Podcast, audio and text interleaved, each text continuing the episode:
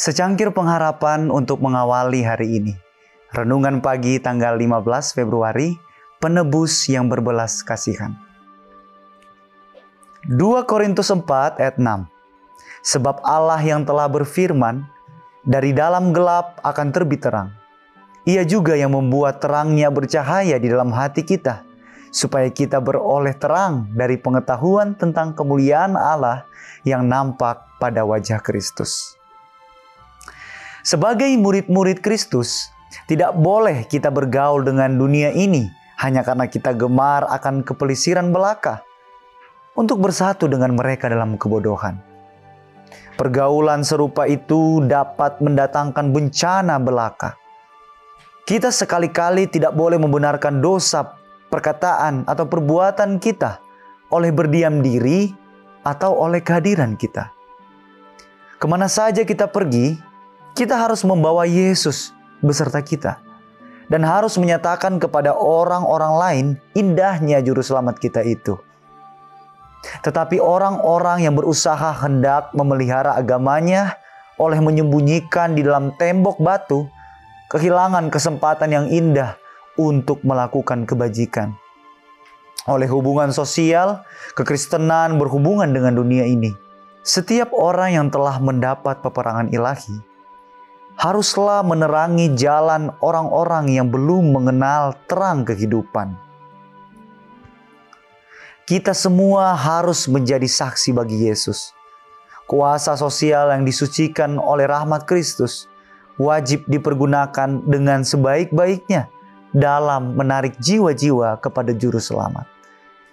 Biarlah dunia ini melihat bahwa kita tidak mencurahkan segenap perhatian dengan kiki atau kepentingan kita belaka, melainkan bahwa kita ingin supaya orang-orang lain juga turut beroleh berkat oleh karunia yang kita peroleh. Biarlah mereka melihat bahwa agama kita tidak membuat kita tidak menaruh simpati dan bersifat keras. Biarlah semua orang yang mengaku telah menemukan Kristus melayani sebagaimana Ia melayani dahulu untuk kebahagiaan manusia. Kita sekali-kali tidak boleh memberikan kepada dunia ini kesan yang palsu bahwa orang-orang Kristen adalah satu umat yang selalu muram dan tidak berbahagia.